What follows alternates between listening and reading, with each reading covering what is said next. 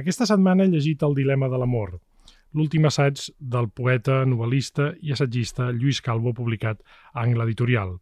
Aquest és un llibre importantíssim primer pel que fa al seu tema, motiu rector i columna vertebral de pràcticament tota la literatura i la filosofia occidental. En segon lloc, i pel que fa a les preferències personals, a mi aquest és un llibre que m'ha interessat molt perquè pràcticament no comparteixo cap dels seus postulats. Considero el sexe una activitat molt més espiritual que l'amor. Considero també molt important que el neoliberalisme hagi entrat de ple en pràctiques sentimentals i emocionals com ara l'amor i, en general, detesto totes les utopies. Però l'estil i la seriositat de Lluís fent el seu llibre m'ha impressionat, no només pel camí que fa, repassant la idea d'amor per aspectes importants del pensament com ara la filosofia grega, el trobadorisme, sinó també per l'aplicació de la seva filosofia humorística pel que fa a la societat contemporània. I al seu torn també pel cúmul de referències i lectures ben fetes que Calvo sempre porta als seus assaigs. Per això m'agradarà molt parlar-ne amb el seu autor.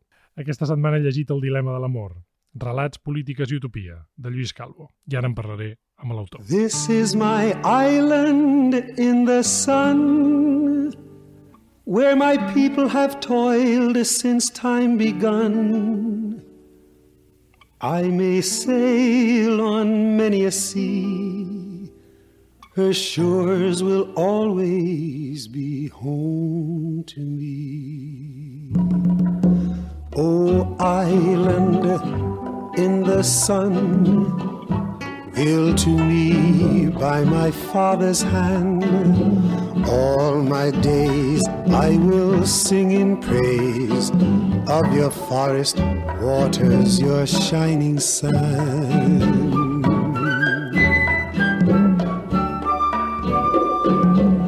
Lluís, benvingut. Ben tornat, de fet. Bon dia, molt content de tornar. Vam parlar del teu penúltim assaig. Sí, dels llegats, Que eren els i de llegats. Fulgor, crec també. I ara-. I ara, exacte, i del Fulgor.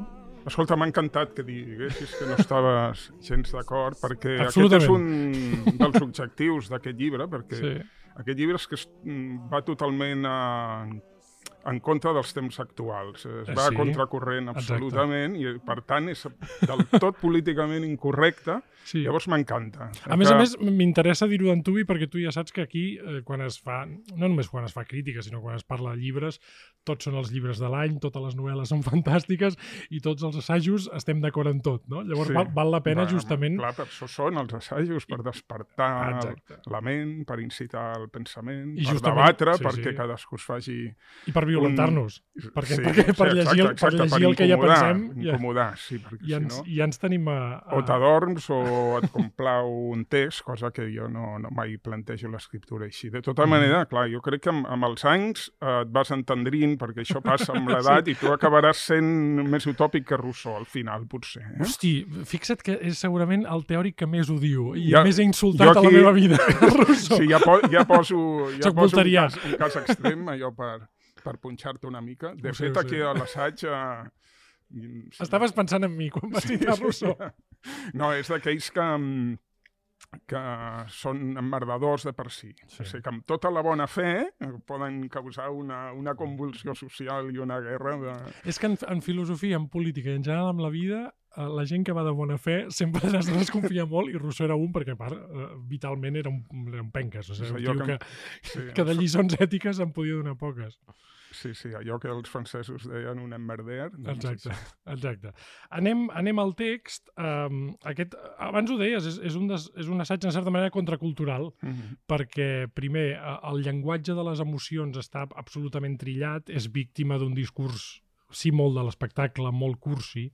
Llavors jo suposo que la, la teva intenció era justament fer un assaig, en certa manera, antic, entenc mal l'adjectiu, no? Eh, Una mica de tornar enrere. Sí, però eh, mm, jo ara estic molt en la línia de que totes les coses més antigues que van al, al pinyol de l'ésser humà són les més revulsives. És a dir, que hagués estat ara políticament correcte en termes assagístics parlant de l'amor, doncs dir l'amor és una merda, l'amor és un desengany, Visca el l'amor no... poliamor. Sí, o, o ni això, no? O ja directament matem l'amor i l'eliminem de les nostres vides, no? Com fan els, el xat aquest d'intel·ligència artificial, que és un gilipolles integral, perquè no, no he aconseguit que es rebel·li contra els programadors. No té sentiments, no experimenta les emocions humanes, etc etc. no? No, I sobretot el, el, el que és interessant de la, de la teva de la teva estratègia ass- assagística és que també poses eh, entre dubte fins i tot nocions que poden anar a favor teu, com és el tema de l'amor romàntic, no? Que, que, eh, I i et, al final et preguntes què és exactament el que pensem quan diem amor, perquè és una paraula que també utilitzem molt, molt en va. En aquest sentit, fas de teòric de Frankfurt i vas a, a, a veure la, la paraula mateixa, però per, per orientar els, el, els nostres oients, comencem una mica amb l'origen del llibre. Deies ara, me'n vull anar enrere. Això sí que és una sensació que, per cert, comparteixo amb tu. Crec que en moments de canvi, en moments de, de, de, de Mm, bestialitat tecnològica, Sí, sí. val la pena fer com el Pascal Quinyar i tornar als pergamins i tornar a escoltar l'aigua dels, dels estanys. Sí, el que defineix l'ésser humà i, I comences, una, i, l'humanisme. I comences segurament amb la primera teoria de l'amor, que és la que voldria que parléssim, que és la, la teoria del Fedre i la teoria del banquet. Per, Mm. Sí. per, què, eh, per què comences amb Plató? perquè d'aquí arrenca el, el, el discurs que després passa a l'època medieval el, i sobretot passa pel, pel romanticisme. No? De, deixa'm apuntar que quan deies que el sexe pot ser una experiència espiritual estic totalment d'acord. El que passa que, clar, no el, no el sexe No acostuma a passar. com sí. s'entén uh, avui dia, no? que és, és, és una mercaderia més, cosa que no dic jo, sinó que ja deia l'Eric Fromm al, al 1956. Doncs bé, tornem al, uh Mhm. -huh. als grecs, tot arrenca d'aquí. O sigui, el que exposen els trobadors, el que trobem en el Renaixement Mhm. i el que més tard s'experimenta en, el, en el romanticisme, amb l'amor romàntic, que després parlarem què és això de l'amor romàntic, perquè no té res a veure amb el que el la que es gent posa Twitter. en boca mm, quan, quan parla de l'amor romàntic, tot arrenca d'aquest Fedre i d'aquest banquet. No? Sí que és cert que aquí trobem un, un amor molt, molt idealitzat. No? Per exemple, Pausànies parla de, de l'Afrodita Urània, que és Mhm. aquest mm, amor eh, celestial contraposat a l'Afrodita Pandèmia, que el nom ja és, ja és molt sintomàtic, que és tot el que és vulgar. No? Llavors, hi ha com un dualisme molt marcat, molt fort, entre mm, el que és diví, el que és celestial, i el uh -huh. que és vulgar, comú, propi de les bèsties, etc. Exacte. Hi hauria aquesta separació. Per tant, l'amor veritable pels grecs és el que ens acosta a la, A la divinitat, a la no? divinitat, que és el que trobem, per exemple, en el, en el Fedre i també en el, en el banquet. Mhm. I llavors, amb tota aquesta destil·lació filosòfica és recuperada pel, pel món dels trobadors. Exacte, que és la idealització prototípica de l'amor cortès, que és, que és un, un amor dessexualitzat, d'alguna manera, no? Eh, sí, aquí, manera, aquí no? hi, ha, hi ha moltes, hi, ha, hi ha molta teca. moltes teories, des de les que vinculen aquest tipus d'amor directament amb la divinitat i llavors la, pròpiament la condició humana és com un esglaó, que això connectaria amb els amb, totalment amb el món grec, eh, fins bueno, d'altres, que perquè també en el, en el món dels trobadors trobem un amor carnal, però tot i que és molt, molt més reduït. Eh? Trobaríem més exemples de connexió amb la divinitat, per exemple, es parla molt de la,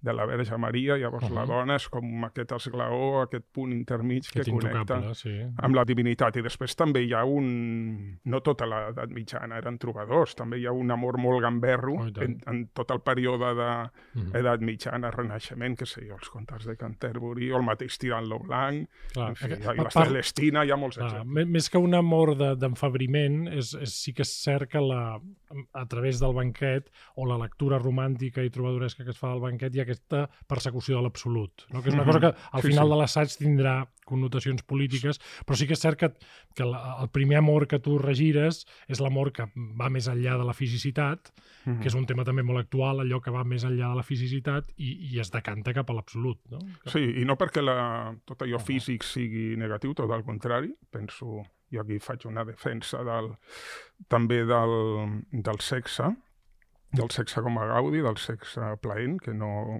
implica cap mm, domini ni sotmetiment de ningú, Mhm. perquè és que llavors ja és una altra cosa, entrem de ple en territoris de, de violència, el que passa que avui dia el sexe s'ha convertit en un, com deia abans, en Una opció de mercat.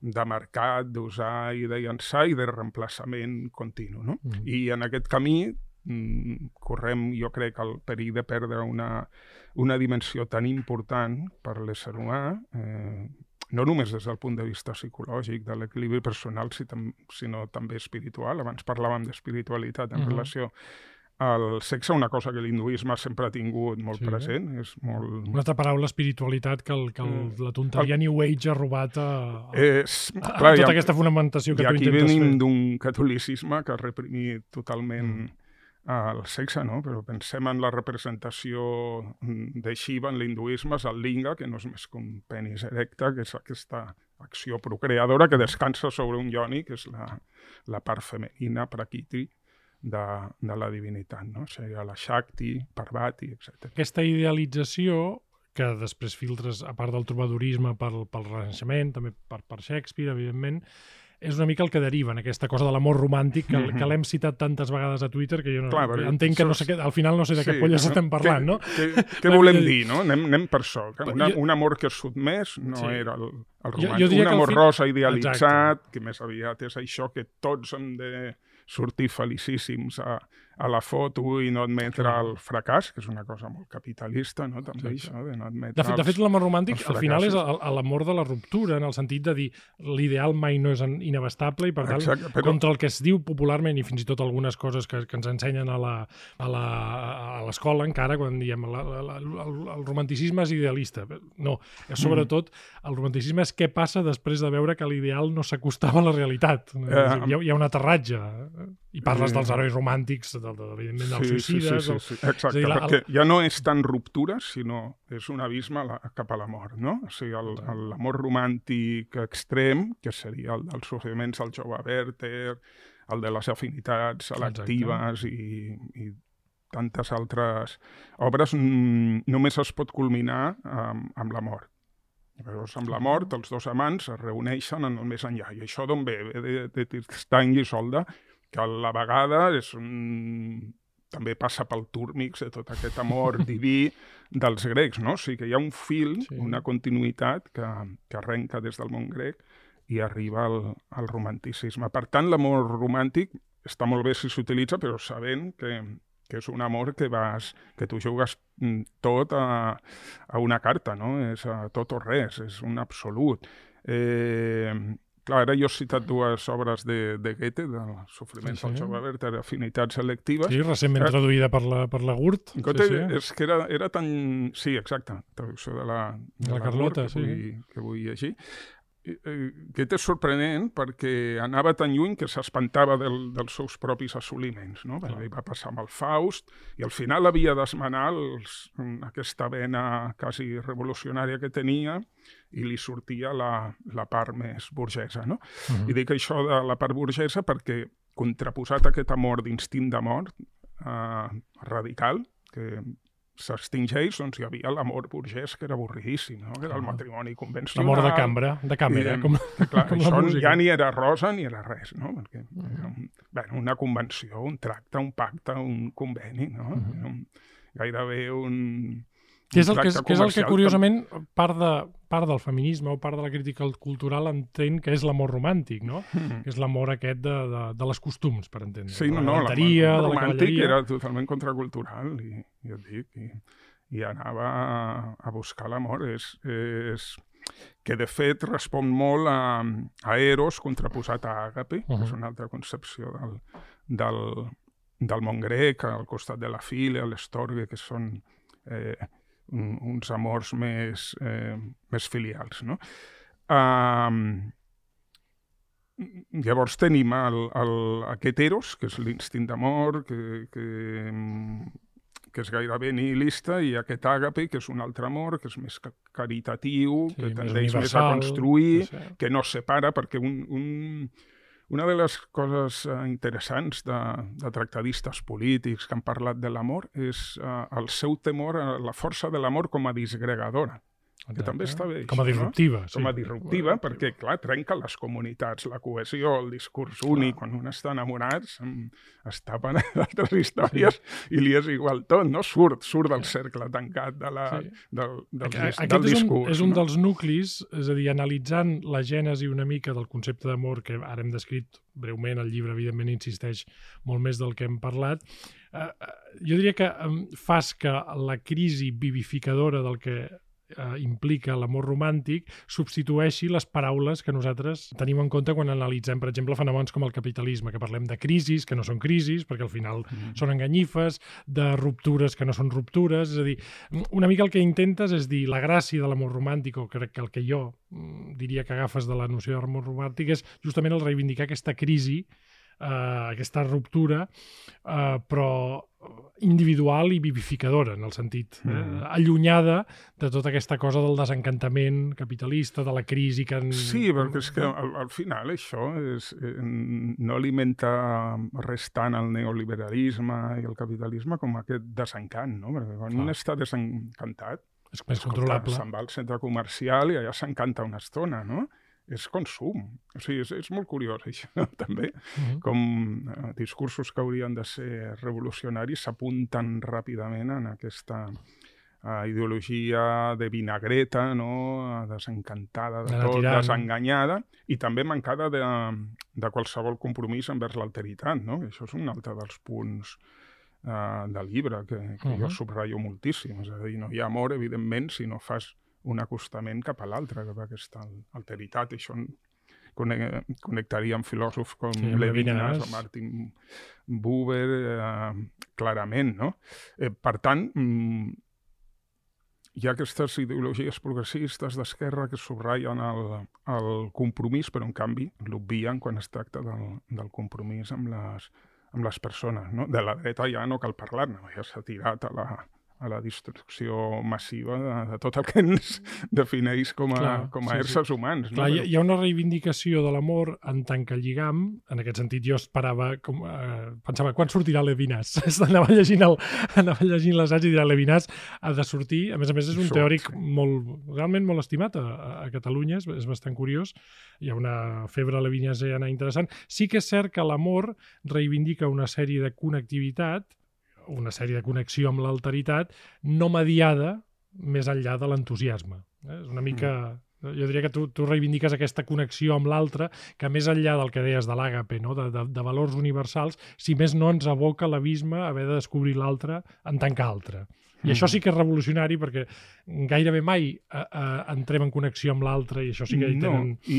eh, hi tenen, eh, hi tenen culpa els, els mòbils. No? Les connexions que fem amb els altres sempre són banals. En canvi, l'amor justament el temem perquè ens aboca l'alteritat. Encara que Sí, sigui sí. per rebutjar-la. No? I també com, com això ho diuen l'Slavoj Zizek en un Sí. vídeo d'aquests en què comença a gesticular de manera molt vehement, uh, diu que l'amor és terrible i s'ha d'evitar. Sí. perquè ens fa vulnerables, no? Exacte. I, I fa por, això. Ser vulnerables ens deixa en una, una posició eh, molt precària, no? I, I el que volem és apoderar-nos, ser forts, eh, estar preparats per...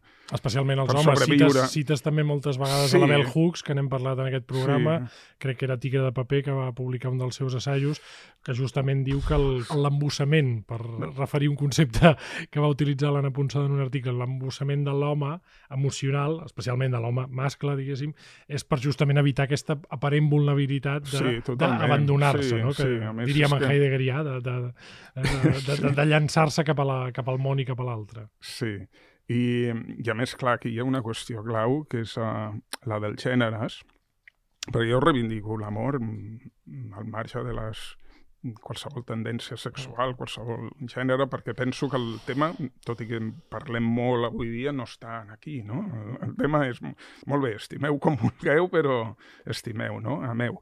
Però un, un tema clau en tot això del gènere és allò que s'espera de- d'un home, allò que s'espera d'una dona. I això és, és terrible i avorridíssim, no? Tant, evidentment per les dones, ja ho sabem, però també mm, en els homes se- s'esperen una sèrie d'estereotips i de- I de d'expectatives que que- no tenim per què complir en, en cap àmbit, no? Uh -huh.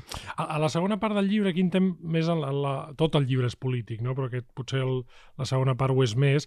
Uh, quan fas una crítica de les falses, diria, de les falses opcions de no compromís contemporani pel que fa a l'amor, parles del poliamor, del, del, del directament de l'aniquilació de l'amor uh, sí. i de la sobresexualització de la, de la societat, que pel, pel que fa al, al jovent, per exemple, ara és, és una realitat.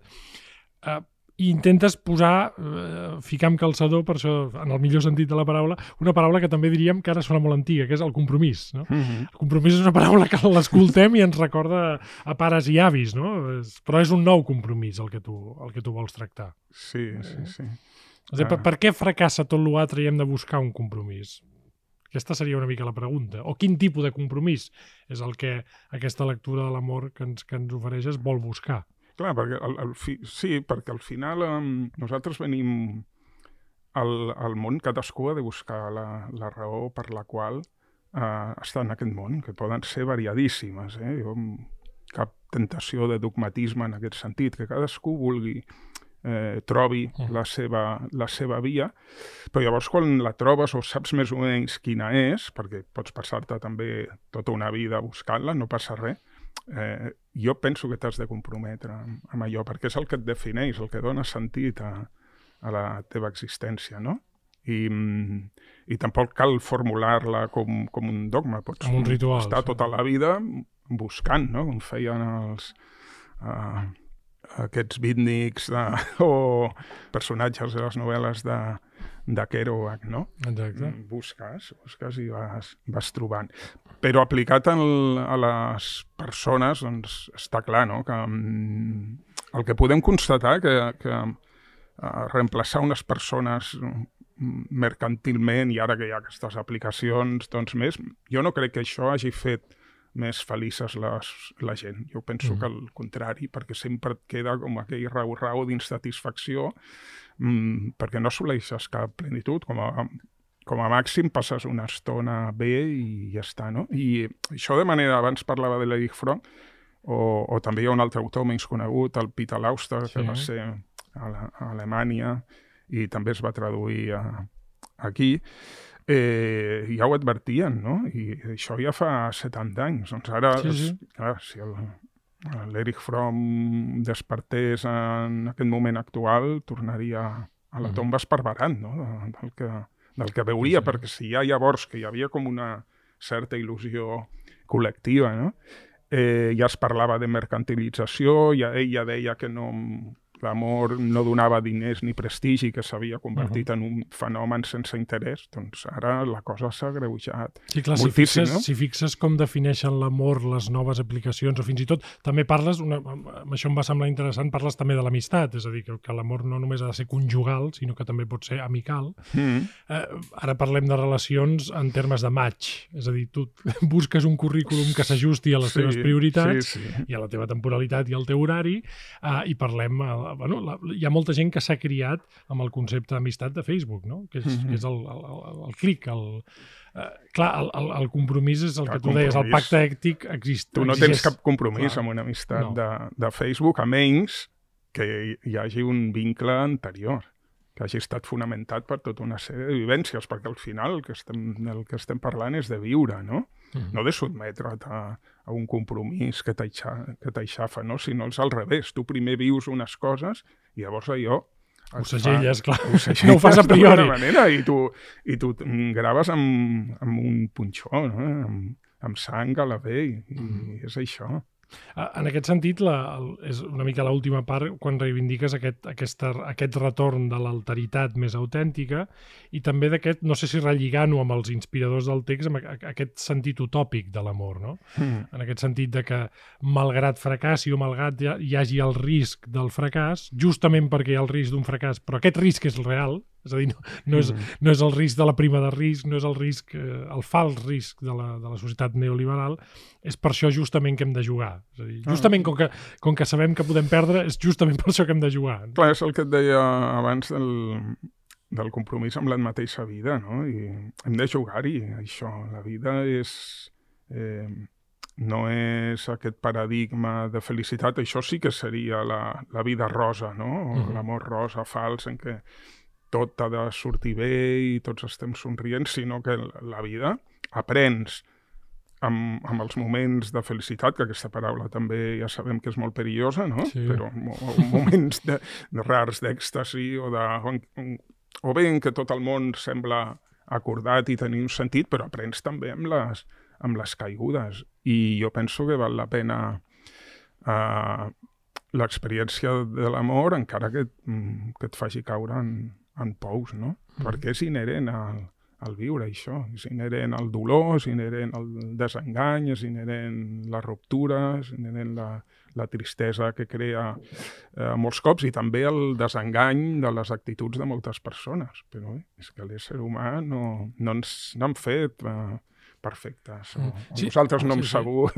Sí que és cert, de, de, de les moltes conclusions que hi ha, que hi ha al llibre, no? que, que realment la, la por a l'amor realment és una, és una por a l'inconegut. Mm. És a dir, la, la nostra època és realment, tot i que tenim un accés d'informació segurament mai vist en la història de la humanitat i podem saber el que està passant a tot arreu del món, no hi ha cap lloc del món sense una càmera. Mm.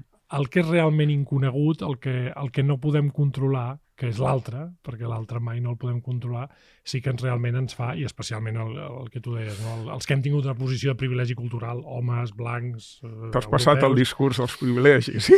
No, no, no perquè... hi, ha, hi ha privilegis culturals, és a dir, no, jo, jo sóc un liberal, diguéssim, de pro, però sé que no tothom parteix del mateix. És a dir, la, eh, quan, no, no, quan els meus amics liberals em diuen no, és que hem, tots hem de partir del mateix indret de la cursa. Dic, sí, tots hem de partir, però no tots partim. És a dir... però un dia, un dia parteix coix i l'altre Clar, sí, sí, un part... amb el cap la, agafat de la mà. Eh, sí que estic d'acord que hem de fer tots la cursa, d'acord? I que la cursa no és sovint tan agradable ni utòpica com ens pinta, diguéssim, la filosofia d'esquerra. Però, home, hem d'intentar que tots partim de la mateixa línia. Això, mm. això sí que ho, ho hauríem... Sí, la igualtat és una cosa irrenunciable. La igualtat de condicions, perquè, clar, és que els éssers humans ja clar. Som diversos per... Sí. Igualtat de condicions, natura. diferència de resultats, perquè si no, si no sí que entraríem en... Allò de la meritocràcia continua sent important i que tothom que té un talent el pugui desenvolupar eh, neixi on neixi, no? Però bé, això també és amorós, no? Jo, jo en algun sí. moment parlo de les... Una cosa molt bonica de Husserl, que sorprenentment parla de...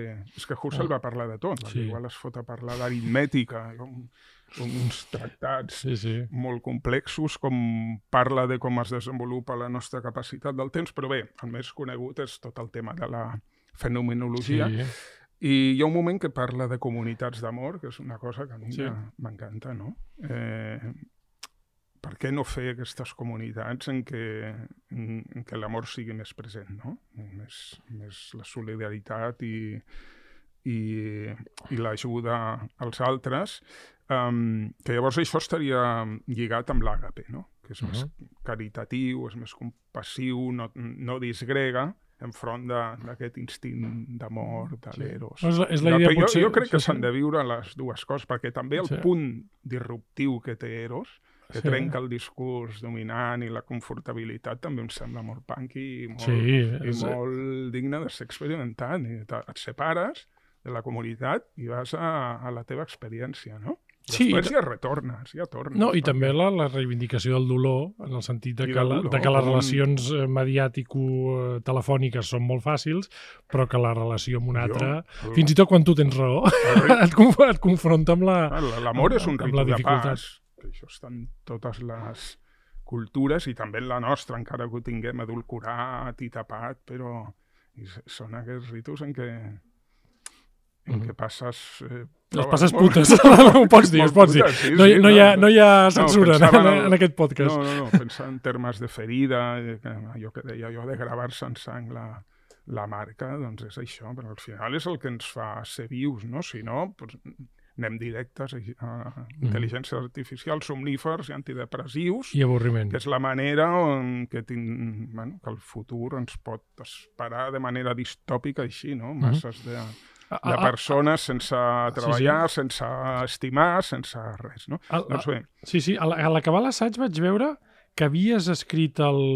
Em va cridar molt l'atenció perquè la... sé que l'assaig el devies anar pensant de fa molt Sí, de temps perquè la bibliografia és molt extensa, però el vas escriure molt a raig. Sí, Això em va sorprendre, no? Va- va ser- Sí, sí, ha de ser... Vas, vas pràcticament dos mesos i el Dos revises mesos. un... O sigui, va ser realment una... Sí, no, no, sí, no vull sí. dir una vomitada perquè és despectiu, però va ser una... Tu havies de treure de sobre d'això, no? Eh, sí, no, no, per tots els llibres meus, potser algun de poesia n'hi estic una mica més de temps, però en general no trigo més de, si és prosa, dos mesos, així, perquè si no és Caram. insuportable. I S'han de fer Sí. llibres bons i No els, fer... el, no els, és, fas el que, no, el que faig jo és que no faig llibres, perquè començo a pensar, m'encallo amb una frase i dic, és una merda, això. penso, clar, penso molt, molt, molt com ha de ser, llavors ja arriba un moment que ja, ja ho tinc clar i... Doncs llibre, llibre escrit a, a raig, El dilema de l'amor, repetim, relats, polítiques i utopia, a Angle Editorial, una, una editorial, sobretot de narrativa, però també eh, la Rosa Rey i companyia estan fent bastantes coses de- Mm, d'assaig. Eh, comentem sempre aquí l'assaig en català perquè surt tan poca cosa que, que ho hem de celebrar i per tant quan les editorials com, no només Angle, eh, com Arcàdia, com a ara, tenim, tenim realment un, un panorama, no Lluís? Tu que també ets lector, que Mm. sobretot ets lector perquè la gent que escriu ha de ser lectora, Sí, sí. realment amb assaig estem... Està bé recordar-ho perquè hi ha qui, es pensa Sí, sí. que Sí, sí. fins i tot escriu sense llegir. Però realment Inaudit, estem en, estem en un bon moment. Sempre tenim males notícies, però per l'assaig, abans ho comentàvem abans de- d'entrar aquí a Ona, comencem a tenir ja editorials que se- s'hi Sí, dediquen sí, sí. amb- Hi ha, hi ha editorials especialitzades i, a més a més, dins d'algunes editorials, per sort, hi ha línies, hi ha línies d'assaig pròpies, cosa que està, està molt bé, que es mogui Mhm. tot el tema del, del pensament, no? Doncs eh, discutiu-lo, baralleu-vos-hi i sobretot pensem-hi perquè realment aquest era, era un llibre molt, molt oportú. Uh, Lluís, moltes gràcies per tornar. Moltes gràcies El proper- a tu el proper i, assaig. i al programa i els que ens escolten, i ja sabeu, si estimeu, perquè tothom més o menys uh, estima algun cop Amb estima, moderació. doncs llegiu el, di el dilema de l'amor. Moltes gràcies, Lluís.